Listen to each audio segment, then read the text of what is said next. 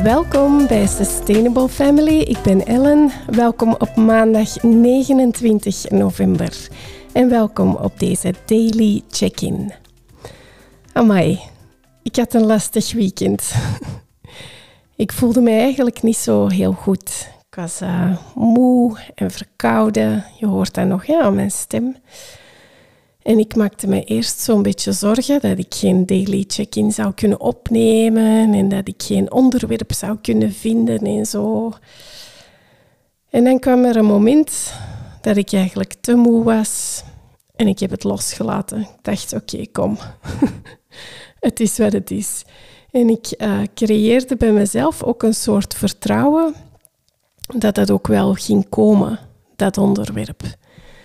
En ik vroeg mij ook af, wat is het ergste dat er kan gebeuren dan? Ja, dat er geen daily check-in is dan, omdat ik ziek ben. Hè? En dat zou jij dan wel begrijpen, dacht ik. Dus er kwam rust.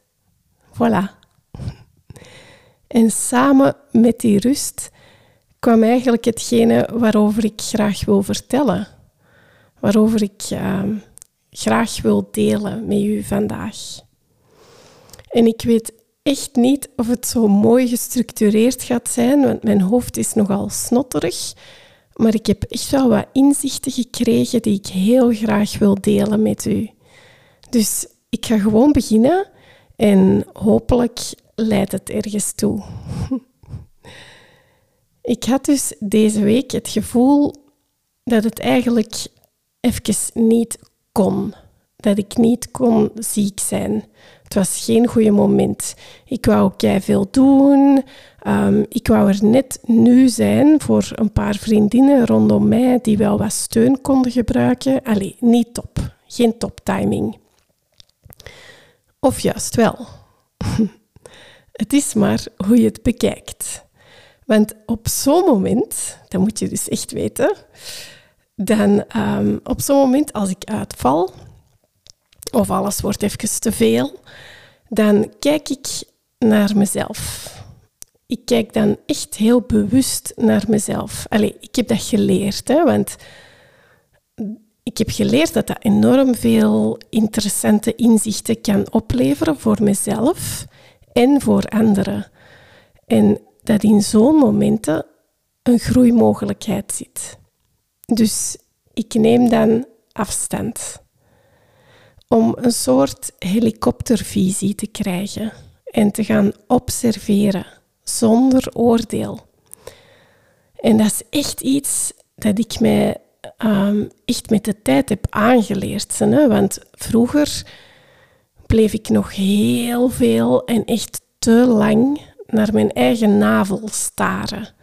Zonder ook eens mijn blik op te werpen naar de rest van de wereld of naar de mensen rondom mij. En als ik maar in een bolletje naar mezelf bleef kijken en nooit eens die opwaartse omgekeerde beweging maakte van dat opkijken en rondkijken en ademen, dan bleef ik klein.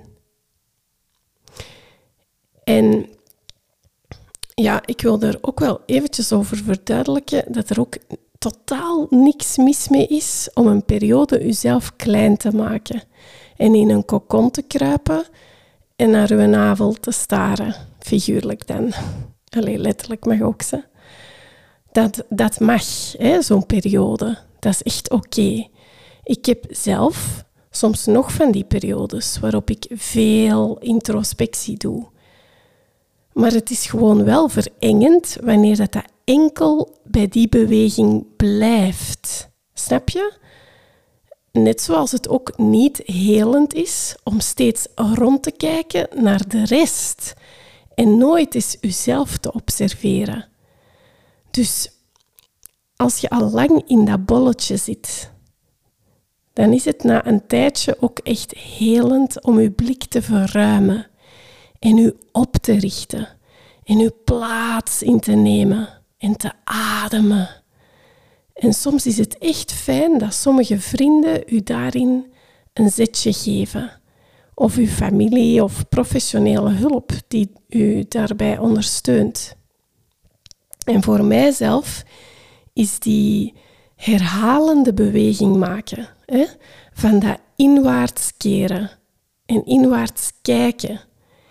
En het uitwaarts rondkijken. Die herhalende beweging, dat is echt een eye-opener geweest in mijn leven. En het is door die oefening opnieuw en opnieuw te proberen toepassen op mezelf, dat ik echt bepaalde patronen begon te zien in mijn leven, bepaalde eigenschappen bij mezelf ontdekte. Leuke eigenschappen, maar ook echt minder fijne eigenschappen. En ik ga ook niet beweren dat ik ze dan direct ben beginnen ombuigen of um, dat ik die heb kunnen verbeteren of zo. Nee, nee, echt wel niet. Maar ik herkende ze en ik erkende ze. Snap je? En dat heeft mij enorm veel inzichten gegeven. Ik vond dat super interessant, echt. En ehm, het fijne voor mezelf is dat dat ook uh, in yoga zit. Um, en misschien is dat ook wel hetgene, um, een van de aspecten die mij zo blijven aantrekken in yoga. Dat is ja, dat, dat, die, die visie zit daarin. Dus ook die houding van dat naar uw navel kijken en weer op en rondkijken. Dat zit echt letterlijk in een yoga-pose, um, in verschillende yoga-poses. Zit bijvoorbeeld in de cat- en kou-beweging, waarop dat je op je handen en knieën zit en een holle rug maakt bij het opkijken en inademen. En dan maak je een bolle rug wanneer je naar je navel kijkt, letterlijk, en uitademt. En yoga zit echt vol met zo'n tegenbewegingen. En door die bewegingen ook echt letterlijk fysiek te doen en niet enkel figuurlijk in je hoofd, in je mind, ga je dat veel krachtiger implementeren in je leven. Dus je ademt uit wanneer je je klein maakt. En je ademt in wanneer je je groter maakt. Je kan pas groeien en lengte maken bij een inademing als je eerst die inkrimping van je uitademing hebt gevoeld. Je kunt die pas alle twee appreciëren wanneer je die alle twee doorvoelt. Ik hoop dat ik een beetje duidelijk ben. en nu was het dus wel een hele goede moment eigenlijk voor mij om een stap terug te zetten. Ah ja, het ging ook niet anders, hè, want ik was te ziek en te moe om mijn bed uit te komen. en ik kon mij ook echt niet veel mengen in gedachten en gevoelens van mijn vriendinnen die wat steun zochten bij mij. Allee, um, tenminste, ze dachten dat ze antwoorden bij mij konden vinden. Maar eigenlijk zit dat al in u. Hè? Het, het komt er gewoon op neer dat je, dat je die aandacht neemt om te gaan zitten. En met alle liefde doorvoelt. En pas op, dat brengt soms niet meteen de dingen naar boven waar jij dan op hoopt. Hè? Want ja, hoop is trouwens ook een verwachting. Maar daar zal ik het uh, misschien nog wel eens later over hebben. Nee, het is juist um, zaak om, om uh, te gaan zitten. Allee, bij wijze van spreken. Hè. Je mocht ook wandelen of liggen of whatever. Dus te gaan zitten zonder oordeel. En naar uw navel te staren en uit te ademen.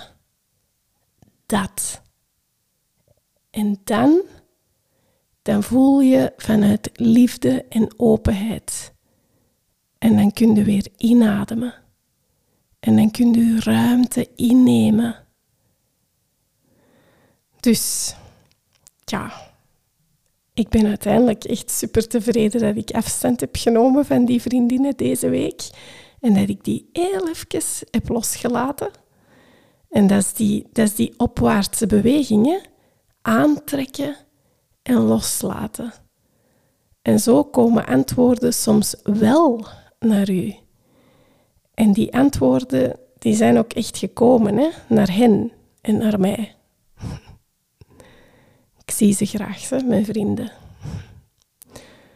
En graag zien, dat is dus trouwens van tijd tot tijd loslaten en u oprichten. Graag zien is loslaten en u oprichten. En soms doet dat zeer. En soms geeft onze mind weerstand. En ik weet het. Dan zijn uw gedachten vertrokken, hè? die van mij ook. Hoe ik dan mijn eigen monkey mind rustig hou, is echt door te mediteren, door yoga te doen. En ik merk ook als ik dat een tijdje laat verwateren, die meditatie, yoga, dan woep, nemen mijn aannames het over, mijn gedachten. Dus zoek daarin gerust je, eigen manier, hoe jij rust kan vinden. Maar dus loslaten, dat zorgt voor ruimte die gecreëerd wordt voor je hart. Voor een, ja, een allesomvattende liefde. En soms kan ik ineens overspoeld worden door een gevoel van algemene liefde. Zo erg dat ik overstroom. Ik kan het heel moeilijk uitleggen. Ja, ik uh, kan het niet zo goed verwoorden, omdat ik er zelf nog niet zo uit ben. Maar misschien komt dat nog wel eens. Of misschien ook niet. dat kan. voilà. Beluister je deze daily check-in via ons selfcare platform? Laat dan via de reacties weten hoe jij die opwaartse en inwaartse beweging probeert toe te passen in je leven. Dat kan door regelmatig eens af te spreken voor een babbel met een vriend, of je gaat op je eentje eens wandelen. Dat kan van alles zijn om tot inzichten te komen.